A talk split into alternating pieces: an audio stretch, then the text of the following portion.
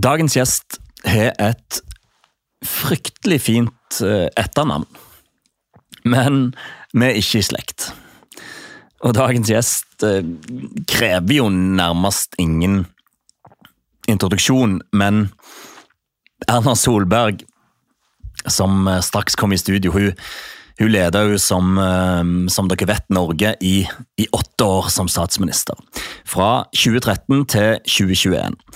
Og har en klar plan og en klar drive og et klart ønske om å gå fra opposisjon til posisjon igjen ved neste mulighet i 2025.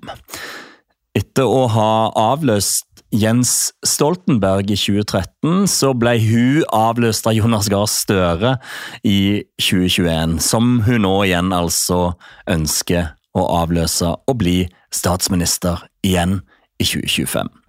Men jeg er egentlig mer interessert i å finne ut hvem Erna er.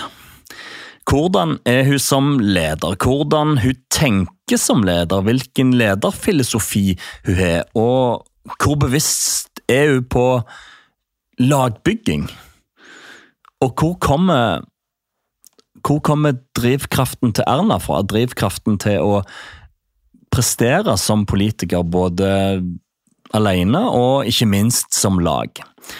Og kanskje til og med ikke bare hvordan hun tenker som landsmoder, men også hvordan hun var og er som mor for sine to barn. Er det stor forskjell på Erna i offentligheten eh, og den hun er privat? Jeg må ærlig innrømme at jeg syns det er kult at uh, Erna Solberg kommer til våre vinnere i en, uh, en hektisk uh, hverdag. Og jeg gleder meg skikkelig til å bli bedre kjent. La det skje. Erna Solberg.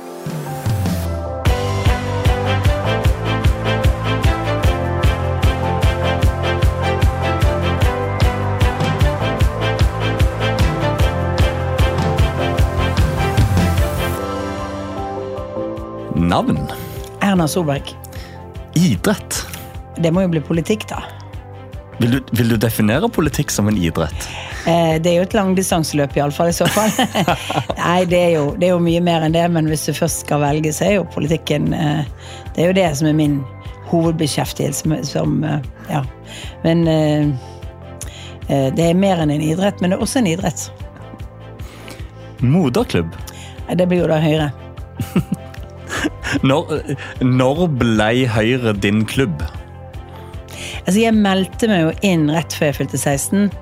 Da hadde jeg vært ganske sånn samfunnsbevisst eh, eh, tenåring og, og, opptatt av mange saker og sånt. Og så hadde jeg lang liksom, sånn runde på hvor var jeg plassert politisk. Og så var det klart at eh, Så jeg smakte litt på liksom, ulike grupper av tenking og sånn. Eh, så klart, eh, da tenkte jeg at den, de endringene jeg ville se i samfunnet, samsvarte mye med det verdigrunnlaget som da unge Høyre på en måte representerte. Det er spørsmål om eh, altså, eh, hver enkelts innsats som skal bety noe. At, eh, at du har eh, et ansvar for andre, du, men at folk skal kunne leve sitt, altså, ut sitt potensial. Det var jo mye spørsmål særlig knyttet til troen på skaperkraft og individers påvirkning i samfunnet. I en tid hvor for dette er jo lenge siden, i en tid hvor mm. venstresiden var veldig preget av det jeg vil kalle litt mer sånn klassekamp og system, og altså hvor, hvor enkeltindividet ser ut som betyr veldig lite. Nettopp. Er, det, er, vi, er vi, på 80-tallet her? Helt på slutten av 70-tallet, faktisk. Ja, nettopp. Første konkurranseminne? Um, altså, jeg Det første valgkampen jeg var kandidat i, var faktisk i 79. Jeg var den første som ikke var fylt 18 år som ble nominert på noen liste. Så jeg hadde liksom sånn, sånn ett minutts fame liksom i, i, vinteren der fordi de hadde senket stemmerettsalderen, og, og, jeg var da nominert tidlig, så da fikk jeg liksom sånn notis i nesten alle landets aviser og sånt. Men, eh, men det, der, der, hadde jeg en veldig fordel, for da var ikke de andre partiene så veldig vant til skolemøter og den typen ting. Så det husker jeg som konkurranseminne var liksom at jeg neilet liksom disse skoledebattene mye bedre for nesten alle andre politikere som var der. De var jo veldig voksne. Det var jo en kommunevalgkamp. Og, eh, så det mitt minne er jo liksom noen sånne skoledebatter på hvor, eh, hvor jeg skjønte litt mer av hvordan du snakker med mine jevnaldrende enn det kanskje eh, representanter på 50 som eh, egentlig ikke kanskje hadde samme følelsen med hva ungdom var opptatt av. Det er interessant. Største opplevelse i karrieren? Det må jo være å bli statsminister i 2013. Og egentlig kanskje enda større å oppleve å bli gjenvalgt i 2017. Ah. Det er jo sånn Det lå veldig i kortene når vi 2013 hadde vi ligget to år høyt på meningsmålingene. Sant? Alt sånn. Det var jo ikke sikkert, du måtte jo slåss for det. Eh, det var, men det var et ganske stort, overveldende flertall liksom bak en regjering. Men kanskje det å oppleve at vi vant valgkampen i 2017 og ble gjenvalgt, til tross for at vi da hadde ligget gått motsatt vei. At vi hadde ligget lavere, og hadde, Arbeiderpartiet trodde de skulle vinne og oppførte seg litt sånn. og så vant vi likevel. Spennende. Hjertelig velkommen til våre vinnere, Erna Solberg. Veldig hyggelig å være her. Det var, artig, det var artig å få Den inngangen her har vi ikke hatt før i podkasten, med Høyre som klubb og politikk som, som idrett. Eh, og det med jeg syns det var interessant det med disse skoledebattene. Jeg må ta det med en gang mens jeg har det framme i pannen. Hadde du en konkurransementalitet til det allerede da? Ja, har litt, altså det har du jo i politikken. Du har jo en konkurransementalitet til det å skulle overvinne folk til å stemme på deg. Og, og det er jo veldig forskjellig, eh, og litt fordi at jeg hadde vært Eh, jobbet eh, med sånn gymnaspolitikk og blitt valgt på et ganske rødt gymnas til å representere de på et landsmøte. sånn. Vi farget det blått i løpet av liksom det der første året mitt på skolen. Eh, var, var, var, nok, var nok liksom endring. Så, så blir du jo vant til å snakke til folk som egentlig ikke allerede har bestemt seg. I veldig mange partier så har vi en egen retorikk, en egen sjargong, mm. hvor, hvor, hvor, kommunikasjonen din ildner opp de som er eh, i salen og sånn, men de har jo bestemt seg allerede. Og det er ikke det samme som overbeviser en velger som kanskje ikke er sikker på hva de skal stemme. Ja. Det, det, er veldig viktig å forstå liksom, den der forskjellen på de tingene. Og det tror jeg jeg hadde en litt sånn forståelse fra. For jeg, selv om jeg var veldig aktiv i Unge Høyre, så hadde jeg også denne andre bakgrunnen hvor jeg hadde uh, forsøkt å bli valgt altså i gymnaspolitikk og den type ja. ting, og, og, oppnå det. Sånn at du må, du må, på en måte ikke alltid bare snakke om de liksom partiflosklene. Du må på en måte nå ut til folk. Så jeg tror jeg opplevde det. Så er det jo sånn at når du, er, når du da kom til 1981-valgkampen, eh, og, og da var, jo nesten alle partiene med unge kandidater, for de hadde skjønt det. Og så, så, var det ikke mer enn en gang eller to til hvor jeg tenkte jeg kan ikke gå på ungdoms... Altså jeg kan ikke gå på, på, på skoledebatter, for det, eh, fordi at nå er jeg for gammel sant? til den formen. Den har utviklet seg til en, en veldig spesiell form for debatt, egentlig. Men det å tenke på den måten der, er det litt, litt uvanlig så tidlig? For jeg, har en opplevelse av at i, i ungdomspolitikken så skal en ofte inn en ønsker å komme inn i en slags sånn politisk støpeskje i, i, retorikken og i kommunikasjonen, og skal være litt som alle andre. Altså Det er jo veldig trygt, og det er sånn internt i et parti, så kan du få masse applaus. Og vi, vi, Høyre forandrer seg på dette området ganske mye under min ledelse. Også litt sånn, jeg tror forståelsen av at vi må snakke mer hverdagslig om politikken. Og så synder vi jo hele tiden, men, mm. men, men, men også altså Jeg bruker egentlig ganske liten tid på sånne landsmøtetaler, på angrep på de andre og den typen ting. Rett og slett fordi at eh, det står alltid godt an i salen. Men det er det, vi, det er det, jeg får medieoppslag om også, istedenfor å få oppslag om hva Høyre vil. Og det er jo mye viktigere for meg å fortelle velgere hva Høyre vil, enn å fortelle at Høyre mener at Arbeiderpartiet er dum. For eh, det skjønner jo folk at vi mm -hmm. Altså det er jo en del av den eh, konkurransebiten. Så, så, for de helt frelste hørefolkene som liksom går eh, ild og vann omtrent som supporterhjem, så syns jo de det er kjempegøy når de hører liksom vasse angrep. Og det, det ser du på alle landsmøter. Eh, men Jeg tror jo det er en dårlig form for politisk kommunikasjon hvis du vil ha nye velgere. Hvis du vil nå ut med dine egne saker og overbevise eh, eh, i et norsk samfunn. For folk er både eh, altså Folk flytter seg ikke pga. den typen ting, men du, du, får folkene dine til å liksom bruse med fjærene og føle seg litt stolte. ja. Hmm. Men hva var det som gjorde at Tror du at uh, unge Erna skjønte dette? Allerede Nei, men da? det, jeg tror jeg skjønte mer det faktum at uh, Jo, fordi at jeg hadde stått på Jeg hadde stått på allmannemøte på Langhaugen gymnas, og der er 650 elever som sitter og hører på det, og du skal forsøke å bli valgt. Så lærer du, skjønner du jo at du må snakke om. Sant? Altså, Ja. ja, du skal nå ut til de. Ja. Men nå, nå går du ikke på gymnaset. Nå er det 2023. Eh, Hvordan har du det nå? Jeg har det egentlig ganske fint. Det er jo veldig gode meningsmålinger for Høyre for øyeblikket, og det gir jo alltid det gir jo en god stemning i et parti, og det gir annet, men, det, men samtidig er jeg litt frustrert når vi ikke sitter i regjering etter å ha sittet i regjering, og så er det jo litt, eh, litt Det er ofte litt vanskelig å, å få fokus, altså få media til å, å skrive om de sakene vi jobber med, og de sakene vi fremmer. For det, det er jo ofte litt sånn langsiktige litt spørsmål som kanskje ikke er eh, altså Det blir ofte veldig sånn kortsiktig strømstøtteendringer nå.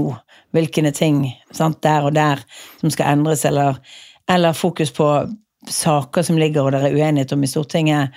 Mens vi har tatt opp skolepolitikk, eller eh, hvordan vi skal jobbe med, bedre med funksjonshemmede fremover, som at de blir integrert bedre i vårt samfunn og sånn, så er jo det ofte litt eh, eh, Altså, det er ikke så spisset som, som, som media ofte vil snakke om. Så det er litt sånn frustrerende. For det, vi fikk jo mer oppmerksomhet når vi satt i regjering, rett og slett fordi at da var det ofte en nyhet og en opplevelse av at det kunne skje med en gang, det vi foreslo.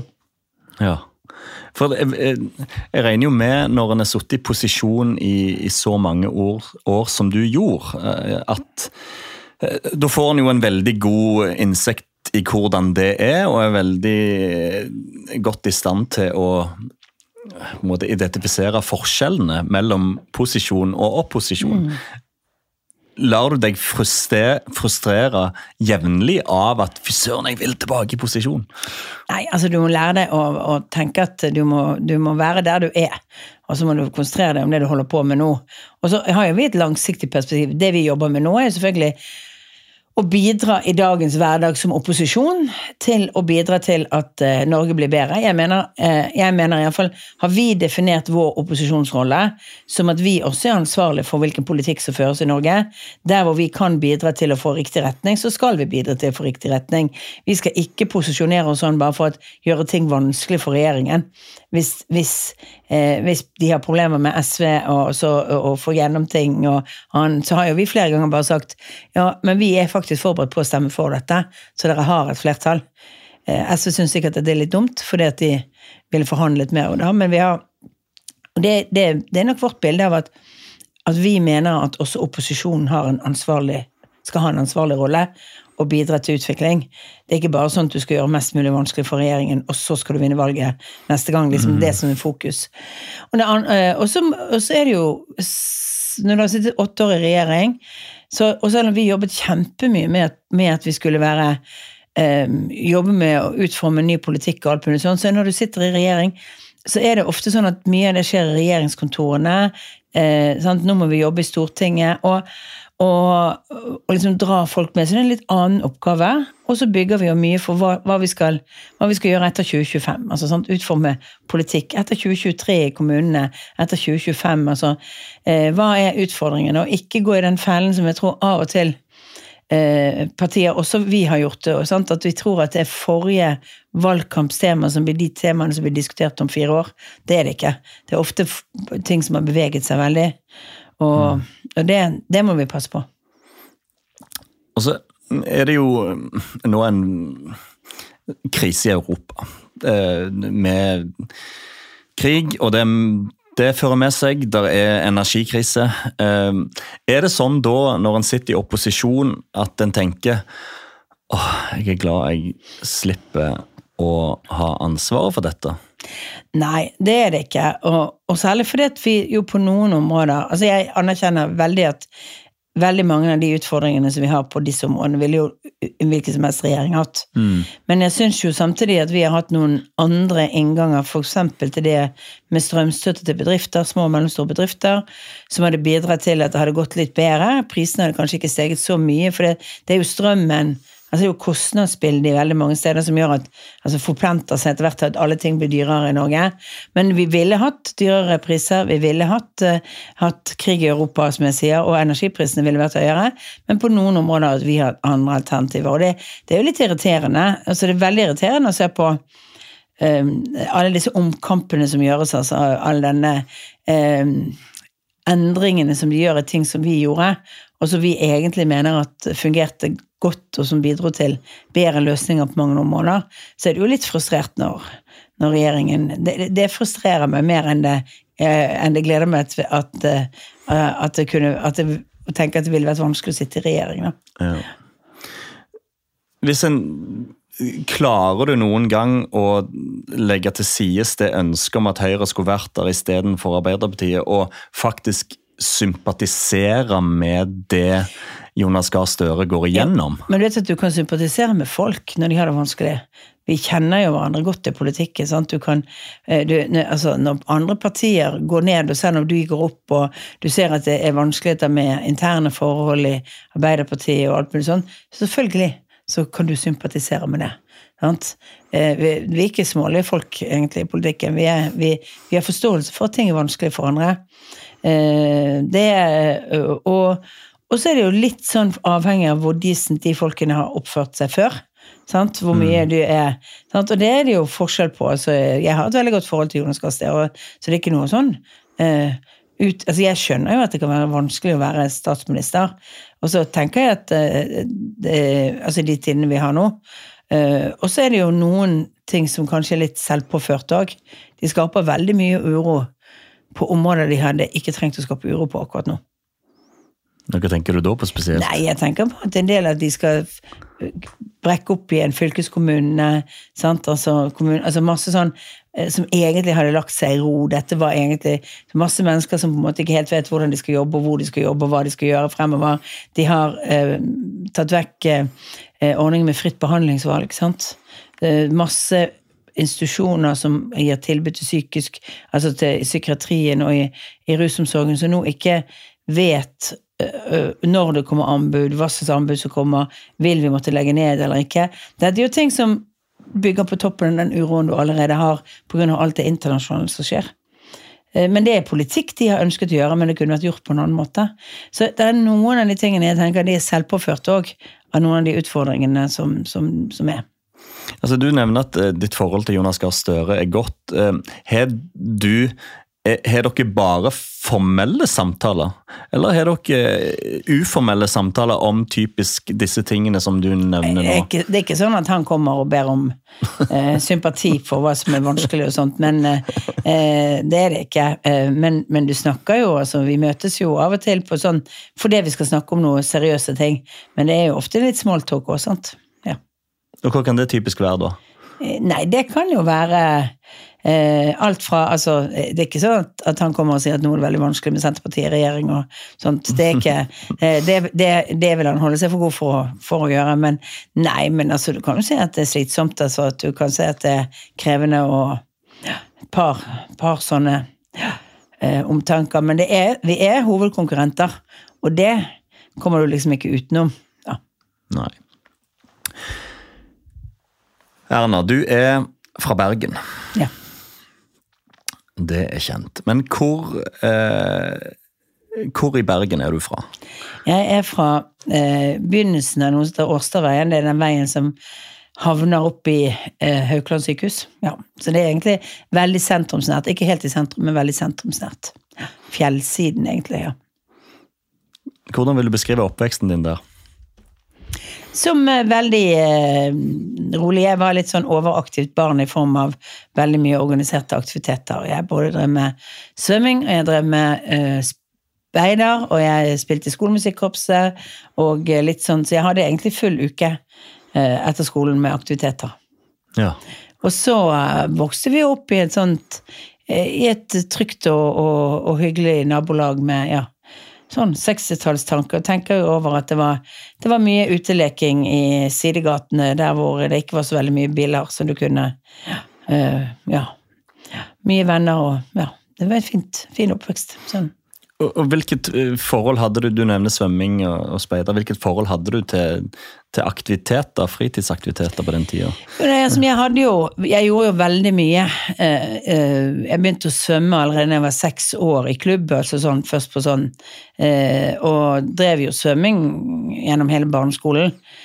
Ble jo aldri Ble ganske god på rygg, men ble aldri ble aldri blant de aller beste, men jeg ble sånn passe god i, i det å svømme. Alltid likt det. Men eh, så, så, så fikk jeg et opphold fordi jeg fikk noe sånn utslett som jeg ikke trodde du ikke kunne bade med, for de visste ikke hva, hva det var. Og, sånn, og når du la var vekk et halvt år, så begynte på ungdomsskolen, og jeg gjorde så mye annet, da, da var det plutselig ikke så gøy, for da var alle mye bedre. Sant? De hadde trent i et halvt år når du ikke hadde Ja. i en sånn. Ja, men øh, øh, Så eh, og, og speiding drev jeg også med- Det drev jeg med egentlig helt til jeg ble veldig aktiv i Unge Høyre, eh, som leder. Eh, så jeg, jeg gjorde Altså, jeg trivdes godt med veldig mye sånn og arbeid utenom, eller aktiviteter utenom skolen. Var du allerede, allerede da en organisator? Ja, særlig i speidingen så var jeg jo det. Eh, Fordi at, jeg fordi at vi manglet speiderledere så allerede på ungdomsskolen, så ble jo jeg meisemor for disse yngste speiderne, og hadde jo egentlig, egentlig det jeg gjorde som hoveddel som speider. I tillegg til litt sånn turer og, og leir og den typen ting. Og det, vi var jo en gruppe med, altså vi var vel fire jenter og, som ledet denne årsdag, første, første årsdag, som det heter, og eh, de andre var henholdsvis ett år og en som var to år eldre enn meg, som delte på oppgavene. Ja. Så første skrittet mot statsministerrollen, det var meisemor. Meisemor i, i KFK-speideren. Ja.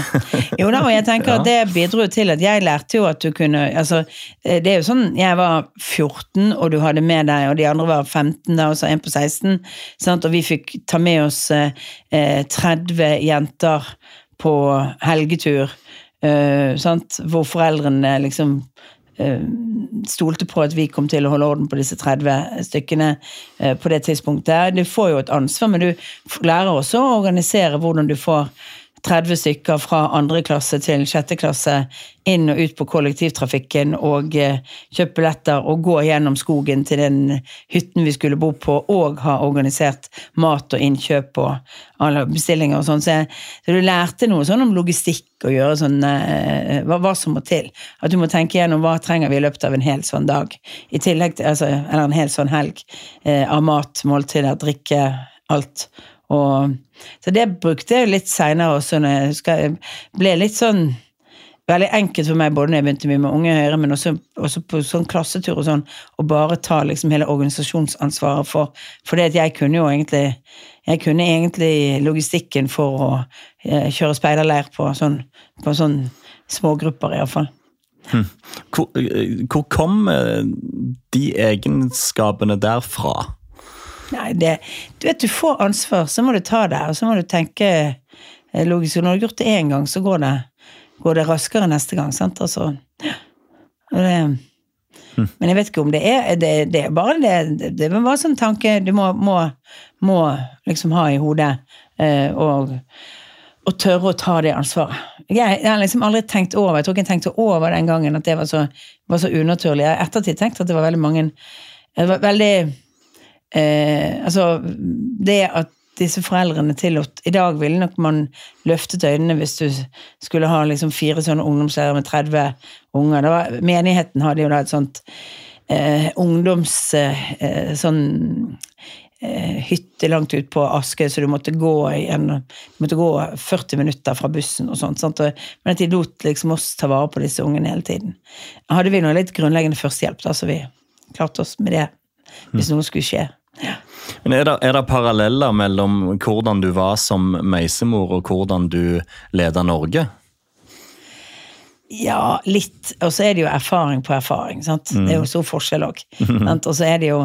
Eh, Men det er viktig å huske at i politikk så er veldig mye ledelse i politikken er jo å lede frivillighet. Det mye mer, folk tenker ofte at det er som å lede en bedrift. Nei, det vi er vant til mest, er jo at du skal lede en, et parti gjennom å inspirere, få folk til å bruke fritiden sin, sånn, skape den kameratskap, fellesskap om ideer og alt mulig sånt. Det er jo veldig mye sånn ledelse i et politisk parti. Mm. Og så har du en liten gruppe som er stortingsgruppen, og noen ordførere som, som får lønn, men, eh, og noen ansatte. men ellers er jo altså Vi har, ikke, altså, har et sted mellom 7000 og 8000 kandidater som stiller til valg eh, til høstens kommunevalg. Og det er klart, de, de færreste av de har noe, har noe særlig lønn for det de gjør nå. Mm. Så får de kanskje litt mer møtegodtgjørelse um, når, de, når, de, en gang blir valgt. Men uh, du skal sørge for at de vil bruke fritiden sin på dette, og det er en sånn annen ledelse. Og det gjør deg igjen litt bedre til å lede også et land, fordi at du ikke bare leder det som en bedrift. Du skjønner også at du må lede gjennom um, å forklare og få folk med deg eh, på hvorfor du gjør ting. Eh, og Derfor er ledelse i politikken veldig annerledes enn ledelse i næringslivet. Ja, og så tenker jeg jo litt at det du beskriver der, at det er mer i retning av moderne ledelse. Det med å, å, å lede gjennom å skape en, en trygghet blant mm. de ansatte før en starter med eh, de rake puckene og mm. tydeligheten som da igjen kan skape utvikling. Ja. Jo da, og det er det jo. Og, og ikke minst så tror jeg det er fordi at uh, vi er et annet system med, hvor, hvor hierarkiske strukturer på en måte um, fungerer ikke på samme måten i arbeidslivet i Norge som det kanskje gjorde for 20-30-40 år siden. Mm. Så det er, nok, det er, nok, noe av det elementet du får med deg, uh, som, som er er, som, som, nok også vanlige bedrifter vil i dag måtte si at dette må vi òg gjøre. Også fordi at eh, ansatte som ikke føler motivasjon for eh, meningen med denne jobben jeg gjør, eh, de blir ofte også lite villige til å strekke seg den ekstra biten. Men hvordan vil du beskrive den balansen i deg, da, mellom ja, Kall det omsorgsfull og tøff? Jeg tenker at det viktigste er at du eh, tar med folk på alvor i resonnementene om hvorfor vi gjør de valgene vi gjør. Altså, eh, det, altså, for meg dreier det seg ofte om at tenke hva er det som skal til at jeg gjør noe. Det er jo at jeg forstår hvorfor det er viktig. Og det er ofte en, en viktig, viktig, del av arbeidet. Og så må du jo selvfølgelig noen ganger si Og det, jeg leder heldigvis et parti som på en måte forstår at hvis du sitter i regjering andre steder, så har vi ikke allmøter og stemmer opp og ned. Det må være en linje over tid, og noen må liksom trekke den linjen og av og til bare si at jo, men nå gjør vi et kompromiss. Nå, nå, altså, eh, nå, nå, er denne debatten ferdig. Vi kan ikke ha omkamp og vi kan ikke gå sånn og sånn og sånn eh, bortover eh, i, i standpunkt om saker. Vi må, vi må, på en måte ha en linje.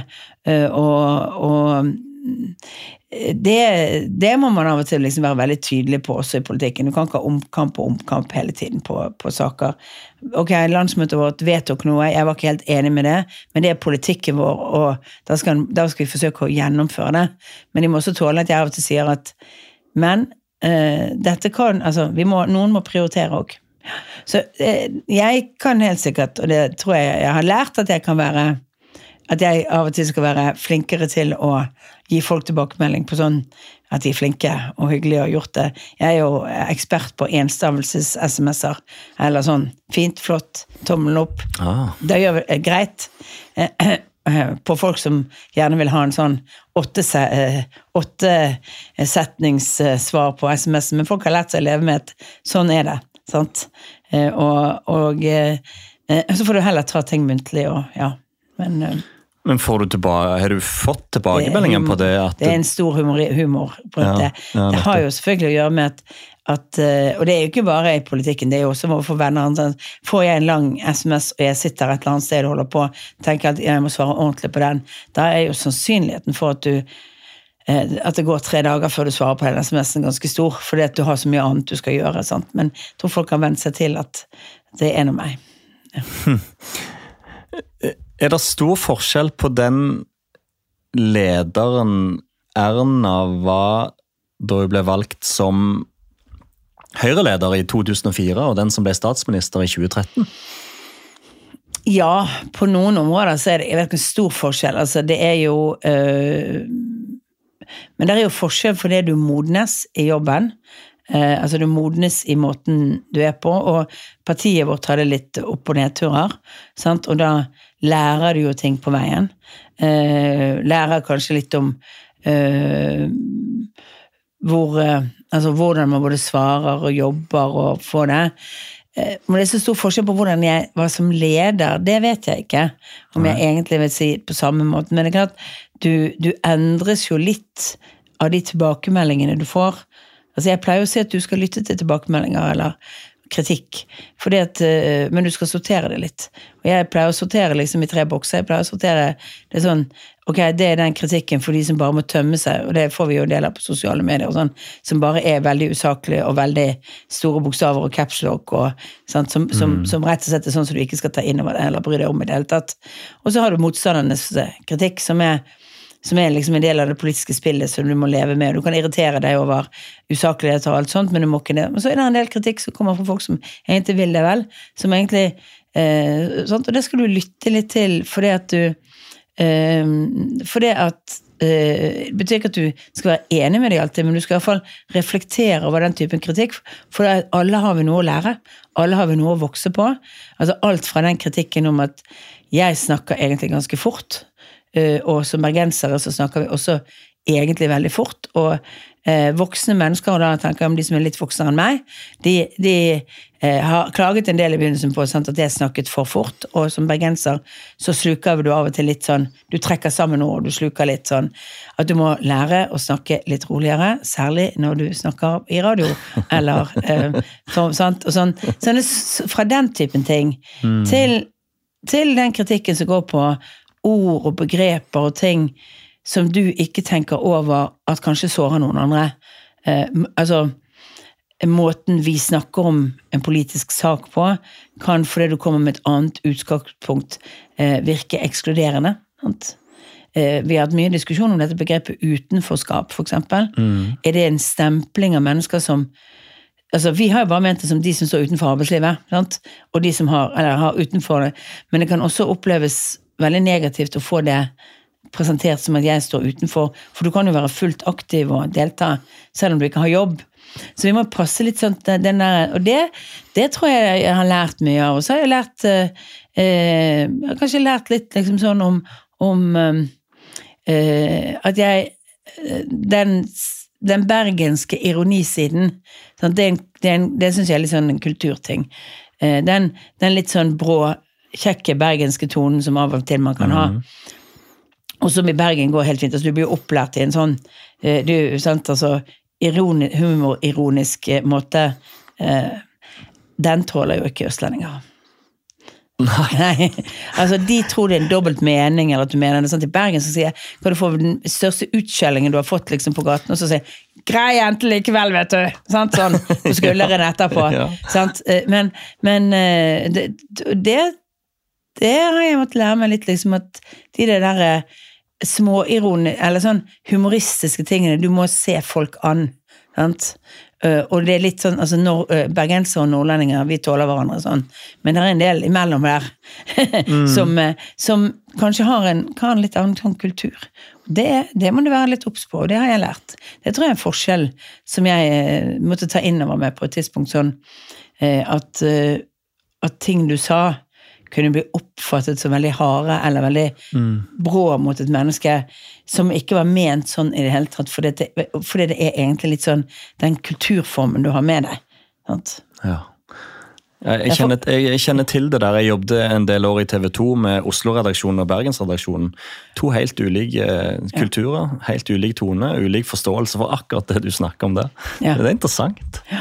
Altså Bergensere snakker ofte i litt større bokstaver. Ja. Og så blir folk jo litt sånn Mente hun det? Hva, hva mente hun egentlig med det? Sa hun egentlig at det og det var dumt, eller Ja, eller sant? Det Man må ikke overtenke. Altså. eh, Og det må jo være en viktig egenskap å ha i din rolle. altså som alt Du nevner det jo sjøl. Alt det du får høre av både saklig og usaklig kritikk på ulike, ulike plattformer, eh, det at det må prelle av. Og du, du framstår jo som som trygg og, og rolig og staut. Men er det en, er der en sårbar side? Ja da, men- den er jo ikke så sårbar for, for den typen type kritikk. Er mest, sånn, det jeg er mest irritert på, er liksom når, når folk som vet bedre helt, Og det er bare det at eh, jeg liker ikke når folk lyger. Altså sånn, sånn altså Folk kan misforstå, ta feil, gjøre. Sant? Altså I politikken så, så kan du snakke mot bedre, eh, snakke eh, feil altså, om en motstanders politikk fordi du rett og slett ikke har fått med deg hva som er riktig, men av og til så hører du ja, det, eh, det, det, det, Der har jeg en litt sånn selvrettferdig altså sånn forsøk på å stoppe, og, og det og kan bli ganske irritert over sånne ting.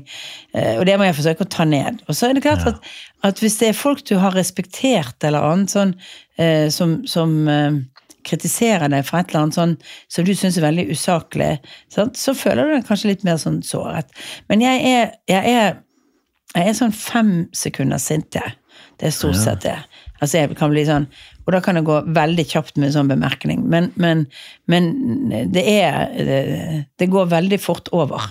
Og jeg har, og jeg pleier å si at jeg har min beste egenskap. er kanskje at jeg eh, legger ting bak meg og går videre, om det er dumme ting du gjør selv, eller For alle gjør jo alle tabber seg ut på et eller annet tidspunkt på en eller annen ting de gjør, eller sier, eller, eller sånt. sånt. Men jeg, eller, eller andre sier mot det. så må bare gå videre.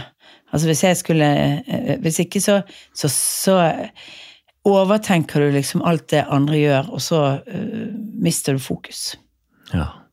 Og det er jo det som i, i idrettspsykologien veldig ofte blir snakket om, å fokusere på de tingene du kan gjøre noe Ja. med for å skape Og det er, bare, det er bare de tingene jeg kan gjøre noe med som kan gjøre meg litt stresset hvis jeg føler at jeg har gjort det dårlig. Så jeg, altså, er, er flyet forsinket, er det et eller annet sånn, så tenker jeg at dette kan ikke jeg gjøre noe med, så nå trenger jeg ikke å stresse. Ser alltid på flyplasser folk som liksom løper til skranken tre ganger og veldig sånn. Så tenker jeg, ja, ja, nå Her er det bare å, å vente litt og Mm. gi beskjed om at flyet er forsinket, du kommer for seint til det møtet, eller et eller annet sånt. Det er, Er- Er du sånn i alle livets faser? Er det for eksempel, er det stor forskjell på eh, jeg kaller det da landsmoderen og moren til dine to barn? nei, det tror jeg egentlig ikke at det er så veldig stor forskjell på. Eh, det er eh, Altså Det er eh, ja, jeg, ten- nei, jeg tenker egentlig ikke at det er så veldig stor forskjell på det. Eh, det, det, det er nok jeg tenker at, at det er forskjell på, er når jeg er privat, at jeg er jo egentlig stillere enn jeg er i offentligheten. Altså sånn, Ja. Men det er mer Det er litt sånn avhengig av hvis du har hvis du har vært i politisk debatt og aktivitet hele dagen, så har du ofte bare behov for å melde deg litt ut. Sant? Ja, Ja. det vil jeg og, tro. og liksom eh, eh, ikke snakke politikk eller gjøre det du gjør hele tiden. eller sånt da. Så kanskje det at jeg, jeg er, er nok mindre sånn eh, Det er ikke det, meg som nødvendigvis prater mest i vår familie. Sånn. Nei. Hvordan vil du beskrive deg som, som mor?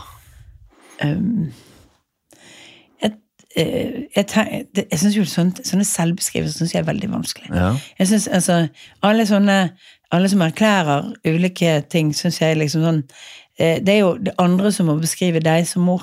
Eh, Ikke eh, Men jeg tror mine barn ville sagt at jeg er omsorgsfull, til stede eh, eh, og eh, opptatt av liksom hvordan det går med de.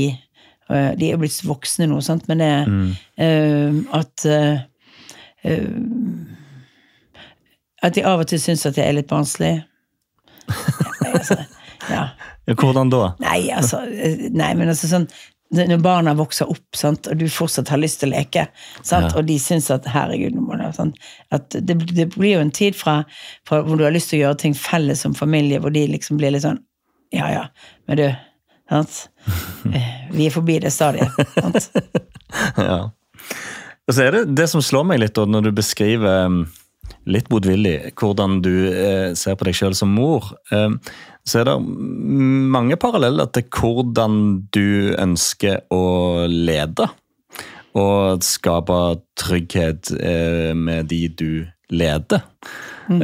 og, eh, for jeg, jeg tenker Det å lede et politisk parti eller lede et land der ligger det så mye muligheter, for det er så mye forskjellige mennesker. Det å klare å aktivere det mangfoldet i laget.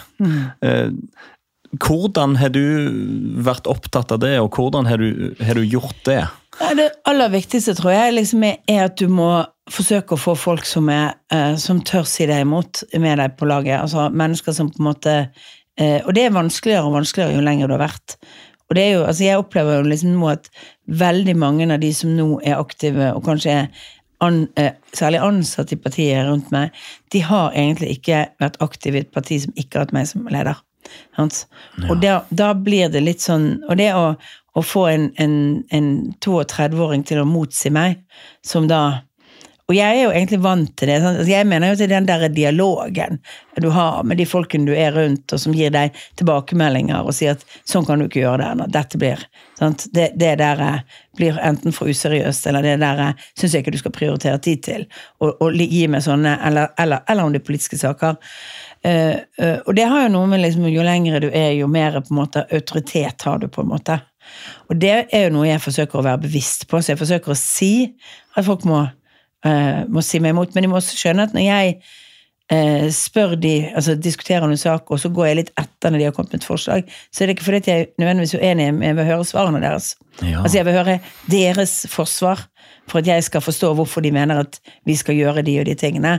Og det er litt krevende, syns jeg, i begynnelsen, før, du, før de på en måte skjønner at de kan si meg imot. At de kan på en måte, at det at jeg stiller de noen oppfølgingsspørsmål som er kanskje litt skeptiske, sant? Eh, nytt forslag om du skal gjøre ting på en annen måte, sånn, eller ting, så, må du stille, så, så er det jo for å høre deres svar. Sant? For at de får en mulighet til å overbevise meg om at det er riktig. Men jeg har måttet ta med i at jeg må skjønne at eh, det er annerledes nå enn det var for 15 år siden, for eksempel. Eh, for det at eh, da var du sammen med folk som kanskje i større grad følte seg mer jevnbyrdig med deg. Mens nå har du liksom en, sant, en generasjon under deg i, i, som, som, er, sant, i, som er stortingsrepresentanter og andre. At, du, at den eh, dynamikken må være. Og det, det tenker jeg ofte på at jeg, jeg sier ikke at jeg klarer å, å være perfekt på det, men jeg tenkt, jeg måtte lære meg litt å tenke over at de jeg ser på som mine jevnbyrdige, de ser ikke alltid på meg som Altså, de, ser, de, de føler at det er et hakk opp, og at den respekten eh, gjør at eh, eh, du rett og slett må jobbe litt med at folk på en måte skjønner eh, at de, de faktisk må tenke på seg som, som liksom eh, mer jevnbyrdige i den og tilbakemeldingen. Det er interessant og relevant til enhver organisasjon, tenker jeg. Ja. Uh, og hvor- Men hvordan, hvordan jobber en helt konkret med det, da? På, og på en måte normalisere en sånn type dialog? Nei, du må jo snakke med folk, og så må du si at eh, sant, altså, eh, og jeg har sagt mange ganger etter at jeg kom tilbake igjen på Stortinget, særlig fordi at, eh, vi mister jo noen som satt i regjeringsapparatet og jobbet tett på meg fordi de får bedre og mer lønnsomme jobber i næringslivet, og, og liksom de vil gjøre noe annet etter noen år i regjeringen og sånn. Sant? Og så kommer du da med det laget som er noen år yngre og sånn. Så jeg måtte si til dem, men det er lov å si meg imot.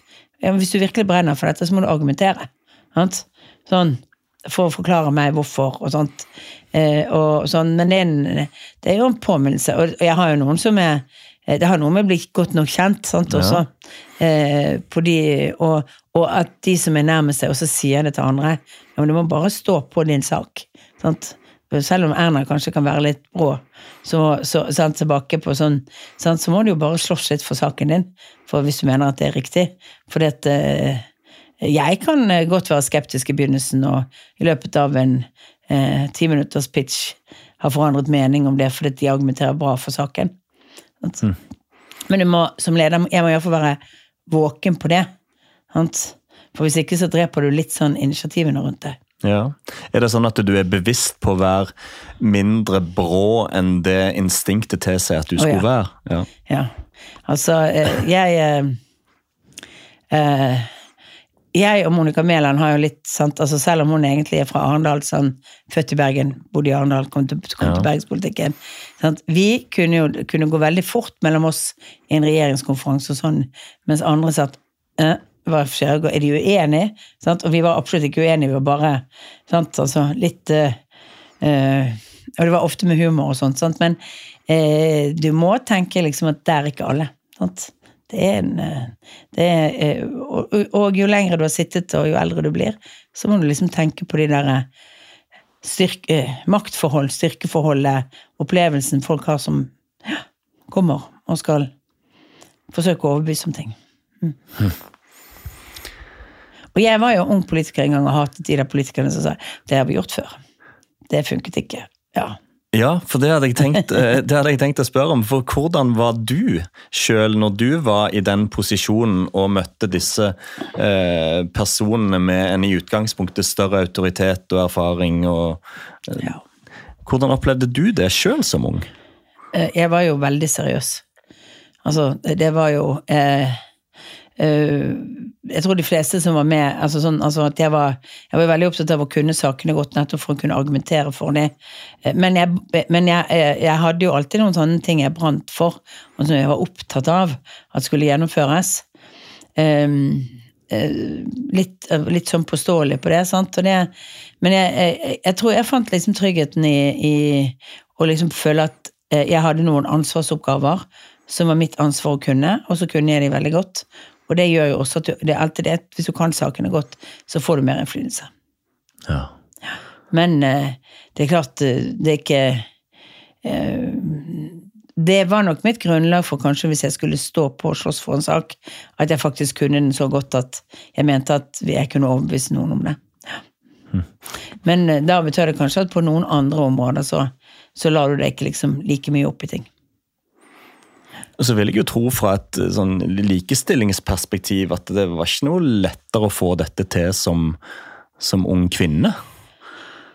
Nei, men jeg har aldri eh, internt i Høyre oppfattet eller opplevd at det liksom har vært et tema sånn, sånn for meg. Eh, og det, eh, det er helt sikkert vært mer enn det jeg kanskje har oppfattet, men jeg tror nettopp at, at det som skjedde, var jo et Nettopp fordi jeg var jente og ung. altså Jeg var yngst da jeg kom på Stortinget i Høyres stortingsgruppe. Fire år yngre enn nærmeste mann som, eh, som, var liksom eh, Som også ung. Sånn? Ja. Eh, og så eh, Og så gikk jeg jo rett til finanskomiteen da jeg kom på Stortinget. Og, og, og det, jeg ble litt nerdete, rett og slett. Jeg ble litt sånn veldig god på, på substans og innhold, og veldig, veldig sånn um, Jeg skulle ikke ikke gjøre sånne teite ting som jeg gjør når jeg, når jeg har gjort når jeg er statsminister. Det ble ingen dansevideoer på meg den gangen. Eller noen Det var jo ikke videoer på den måten engang. Det var ikke sosiale medier. Men det var sant, altså, så, så mange av de tingene. Sant? Det, var, det var hardcore eh, politikk og tunge saker og sånt. Sant? Sånn, eh, og det ga vel kanskje sånn respekt. Jeg husker jeg, husker, jeg satt jo i finanskomiteen, og, og eh, vi var på et møte i en en, disse, en, en bransjeorganisasjon i finansnæringen, og så var det en som da eh, på en middag hvor finanskomiteen hadde vært på seminar, og så, som, som liksom virkelig skulle lære meg hvordan renta ble fastsatt. Og jeg tenkte liksom at eh, Jeg var en veldig voksen og så tenkte jeg dette, dette, noe, eh, dette er litt rart, tenkte jeg liksom. Jeg, jeg hadde ikke skrevet ferdig hovedoppgaven min i sosialøkonomi, men jeg var relativt godt utrustet på forståelsen av hvordan renter dannes i samfunnet. Og, og, og, sånn. og, så er det jo Per Christian Foss, han var leder av komiteen, og, ja. min fraksjonsleder, og han syntes dette var kjempemorsomt. For han, han den eldre eh, bankmannen eh, ramlet litt lenger og lenger ut på liksom i sånn mansplaining. da, sant, på, ja, nettopp. Og så, når han har akkurat gått så langt, så lener Per Christian seg frem og sier han, du, jeg tror egentlig at Erna um, skjønner dette med rentedannelse. Hun har tross alt høyest økonomisk utdannelse av noen i finanskomiteen her. Og så ble han jo veldig flau. Og jeg følte jo bare medlink med han fyren, for det var åpenbart at han følte at han, han måtte unnskylde seg veldig og sånn. sant? Ja. Men, men um, det var kanskje sånne opplevelser. sant? At, at fordi du er ung og kvinne, så, så undervurderer en del folk, ikke i politikken, men ut, altså sånn, i andre mm. samfunn, sånn, hva du kan, og hva du, hva du, ja, hva du har av bakgrunn. Uh, så, så, men sånn, i, i, mitt eget parti så opplevde jeg liksom aldri det som er sånn stort. Men det var kanskje fordi jeg var, var sånn litt gjennomført nerdete. Ja. Men har du noen gang tenkt eh, Har det noen gang vært en del av motivasjonen at jeg skal søren meg få det til på tross av? Eh, kanskje litt noen ganger, men ikke fordi jeg på tross av at jeg var jente. Eller, altså jeg var jo kvinnepolitisk leder. Jeg har, altså jeg har jo vært fem år leder av Høyrekvinnene og kvinnepolitisk leder i, i, i, Høyre. Så jeg var jo opptatt av feminisme og de spørsmålene. Sant? Så det er klart at, at, eh, at, jeg var veldig opptatt av å ikke bli satt i den båsen som sånn kvinnepolitiker, de sakene, selv om jeg brant for det. Så jeg var veldig opptatt av å ta på meg de tunge, litt krevende spørsmålene. Sant? Altså, eh, var skattepolitisk talsperson for partiet og, og den typen ting. Eh, men også for min erkjennelse er at du, du må ha en litt sånn bredde i politikken for å forstå spørsmål. Jeg, jeg begynte jo med å studere sosiologi, og, og, så var det mange sånn høyrefolk hvorfor studerer du sosiologi? Det er liksom, det er jo sånt raddisfag. Så jeg, jo, men det, du må jo skjønne ting. sant? Mm. Uh, har liksom motivasjon, man må skjønne ting. Uh, og se, se hvordan andre synspunkt på ting er. Ikke bare liksom løpe på Den gangen var jo juss et åpent studio som du kunne gått rett inn på. Eh, og veldig mange gikk jo på juss. Eh, og, og, tenkte at det, du må liksom lære deg å skjønne hvordan man ser ting fra andre sider. Men det er ikke, ikke, det er ikke sånn fordi det har en drive, men det har vært en drive for meg og, så har det vært en drive for å vise at jeg kan. Det er mer det at jeg har syntes at det har vært interessant selv. Ja, nettopp. Ja. Og så har jeg alltid tenkt at du skal gjøre jobben der du er godt, og ikke planlegge så veldig mye for neste jobb. Veldig motsatt av alle sånne jeg, jeg, er motsatsen på, på liksom, alle sier du skal tenke og skal planlegge karrieren din og bytte jobb på et eller annet tidspunkt. og gjøre sånn, tenker jeg, nei, Du skal gjøre jobben der du er godt. Det er det beste grunnlaget for å få en ny jobb og en annen oppgave. Hm. Så skal du tørre å si ja når noen spør deg om det. Du, nevn, du, nevnte at du har mista noen av eh, dine på ditt lag til næringslivet. Eh, har du noen gang tenkt å, å bruke de egenskapene du eh, har fått å tilegne deg i næringslivet? Eh, ikke sånn direkte. Jeg tenkte, jo, jeg tenkte, jo, aldri at jeg skulle sitte på Stortinget så lenge som jeg har gjort. Jeg tenkte jo når jeg ble innvalgt på Stortinget, så tenkte jeg at jeg skulle sitte alle fortalte meg den gangen at man må, sier man ja til det, så må man sitte to perioder iallfall. For du, du, må liksom være to perioder på Stortinget for å få gjort noe i det hele tatt. altså Såpass langsomt går politikken, og, og, og, at det tar lang tid å føle seg at du lærer ting og sånt. Litt overdrevet råd, for å si det sånn. Men, men, men, men det er nok riktig at hvis du liksom skal følge noen saker og føler at du får gjennomslag, så er, er nok to perioder eh, mer relevant. Eh, hvis du Og så og så tenkte jeg da at eh, når jeg da ble statsråd eh, etter min Altså, når jeg, når jeg, hadde hatt tre perioder på Stortinget, så hadde jeg jo en vurdering om jeg skulle ta gjenvalg eller ikke. Mm. Da hadde vi små barn, eh, og, og, da lå vi jo vi kanskje an, altså vi, Når den vurderingen måtte gjøres, så kunne ikke jeg lå ikke Høyre an til å komme i regjering. Eh, I, 20, i, i, 2001 så var det egentlig våren 2001 som liksom gjorde at, at det politiske skiftet ble så tydelig i, i eh, en tydelig mulighet og sånn. Men da tenkte jeg egentlig litt sånn eh, Jeg sier ja til en periode til, for nå følte jeg liksom, nå hadde jeg dreisen på det. Og, og, og da ble jeg jo i løpet av den perioden partileder. Mm. Da har du liksom låst tiden fremover. Og så har det, etter det så har det gått liksom litt sånn eh, eh i ett på det. Sant, med, eh, men eh, jeg har jo altså eh, På et tidspunkt så tenkte jeg selvfølgelig at jeg skulle gå ut i et eller annet arbeidsliv. Eh, at politikk var en, noe du gjorde noen år, og så skiftet du. hva jeg skulle gjøre, det var jeg litt usikker på, men jeg tenker at jeg hadde en relativt allmenn god utdanning og en allmenn eh, god kunnskap etter å ha vært politiker. Mm. Men jeg kom aldri så tett at jeg tenkte mye på det. Nei, nettopp. Ja. Men hva nå da, Erna? Hva um, tenker du på i uh, vinter, snart vår 2023? Hva, um, hva ønsker du nå? Altså det jeg tenker er jo altså jeg har jo nå Vi har jo veldig tydelig blikk på kommunevalget i 2023. Mm.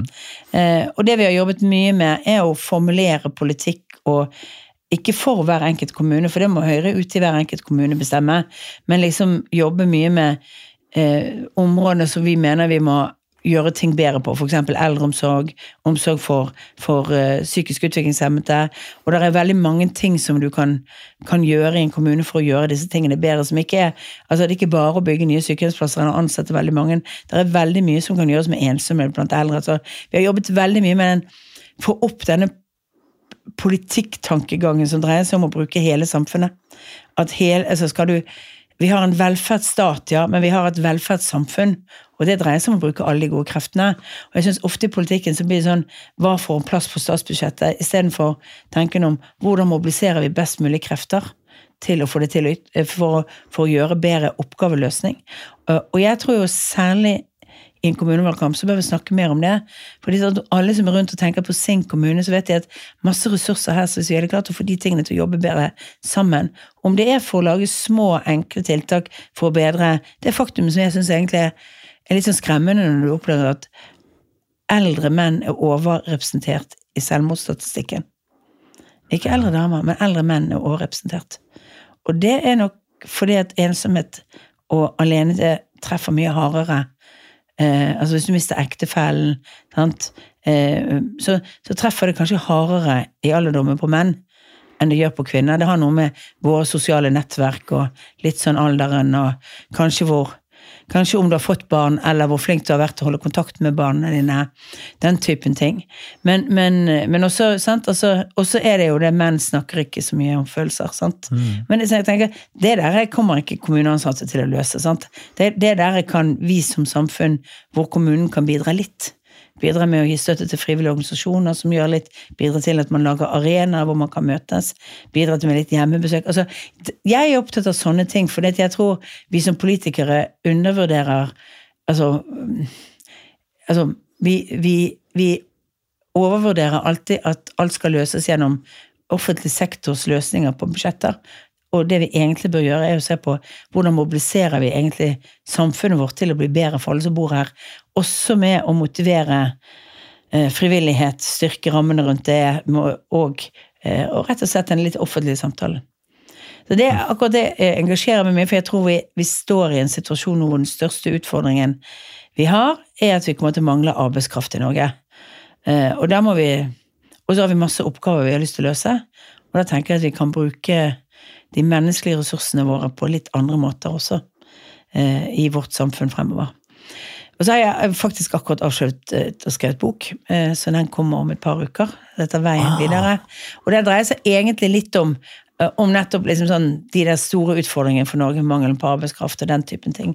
Så jeg er litt opptatt av også den litt, mer, den litt større debatten. Og behovet for selvfølgelig reformer, og at vi må ta inn over oss at eh, altså jeg, jeg pleier å si at jeg tror ikke altså politikere som bare sier de skal bevilge mer penger som løsningen på liksom alle problemene, det, det Altså, de er veldig altså de er veldig fattige på andre ideer. sant? Og så er det egentlig veldig usunt, for det er ikke pengene som kommer til å være problemet i Norge i årene fremover. Det er folk som kommer til å være, være største utfordringen. Mobilisere nok arbeidskraft. Det som er interessant er når vi egentlig hele denne samtalen, uansett hva vi har snakket om, om det er speideren eller familien eller hvordan du har bygd lag i Høyre eller bygd landet eller tenker framover, så handler alt om mennesker.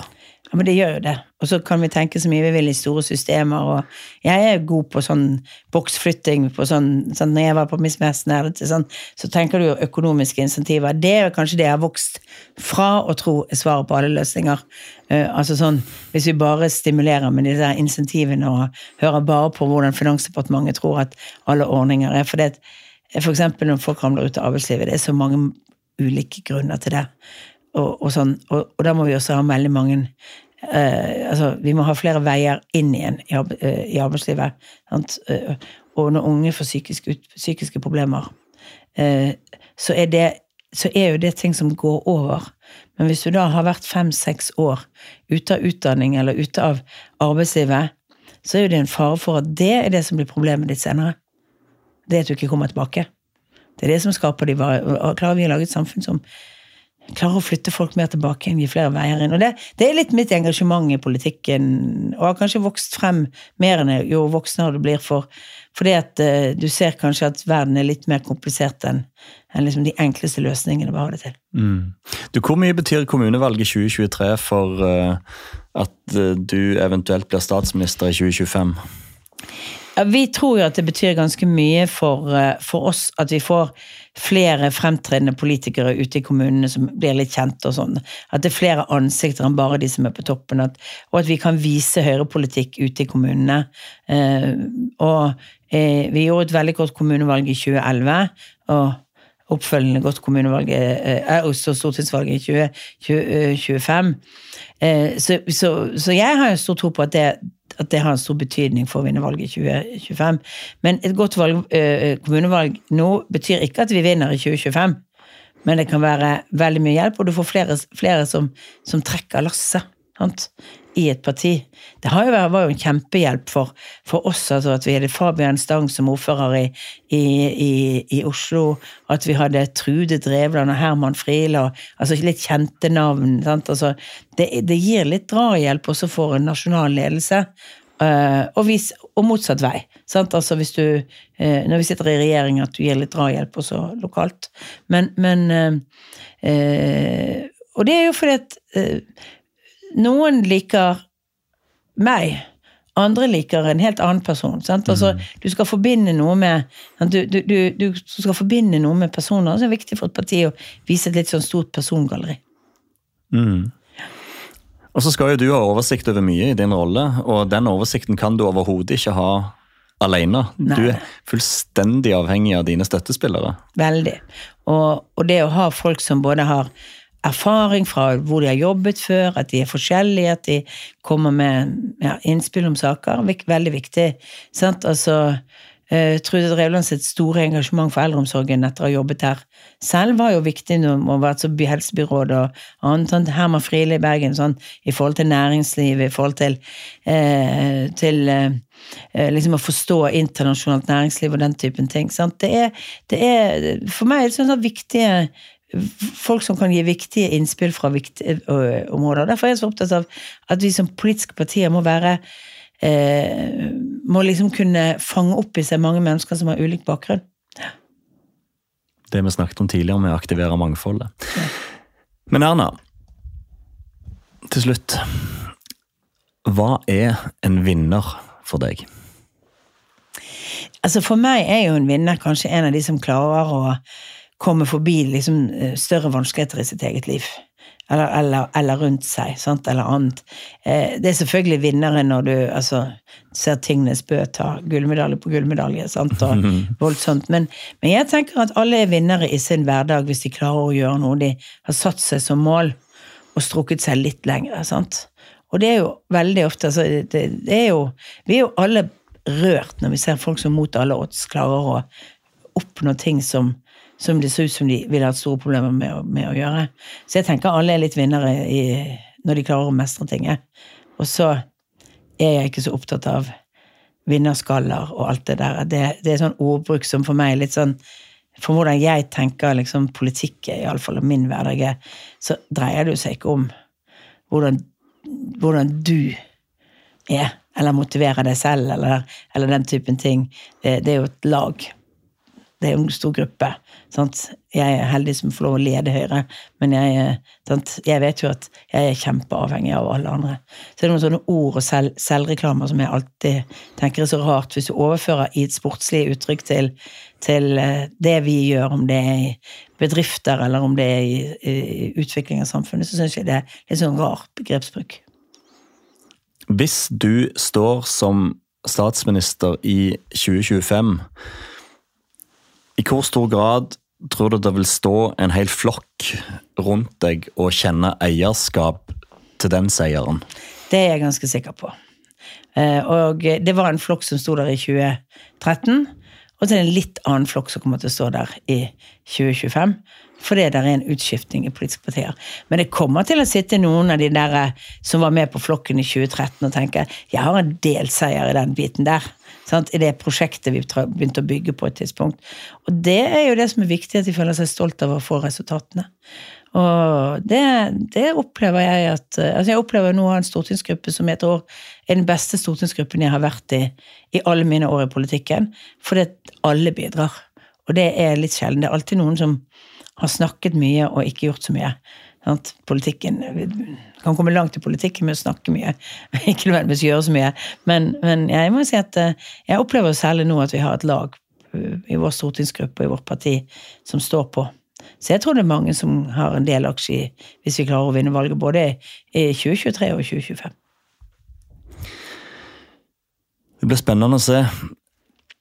Det var utrolig hyggelig å, å um, ha deg på besøk i, i, Våre vinnere, Erna Solberg. Um, jeg føler virkelig jeg har fått, uh, fått ta del i litt mer av hvem du er, og det du står for, og måten du tenker uh, på veien mot å skape det fellesskapet. Mm. Uh, vært veldig fint. Veldig hyggelig å være her. Tusen hjertelig takk.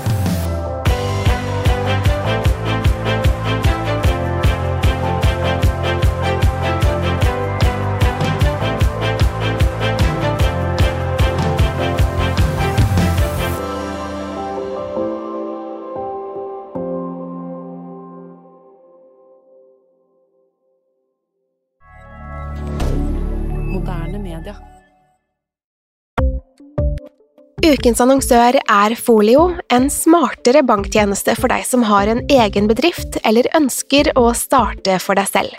Folio er en superenkel nettbank for bedrifter.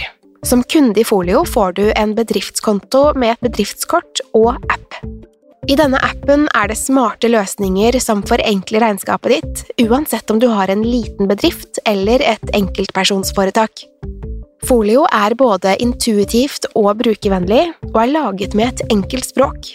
I tillegg tilbyr de forutsigbare priser og ingen skjulte gebyrer. Skulle du likevel trenge det, så kan du snakke med deres raske og hyggelige kundeservice, og der får du prate med en faktisk person og ikke en chatbot. Folio er med andre ord både enklere og koseligere enn banken. Over 10 000 bedrifter har allerede valgt Folio som sin banktjeneste, så besøk folio.no og se hvordan Folio kan forenkle din hverdag også. Har du et enkeltpersonforetak eller en liten bedrift? Da er du sikkert lei av å høre meg snakke om hvor enkelt det er med kvitteringer og bilag i fiken, så vi eh, gir oss her, vi. Fordi vi liker enkelt. Fiken superenkelt regnskap.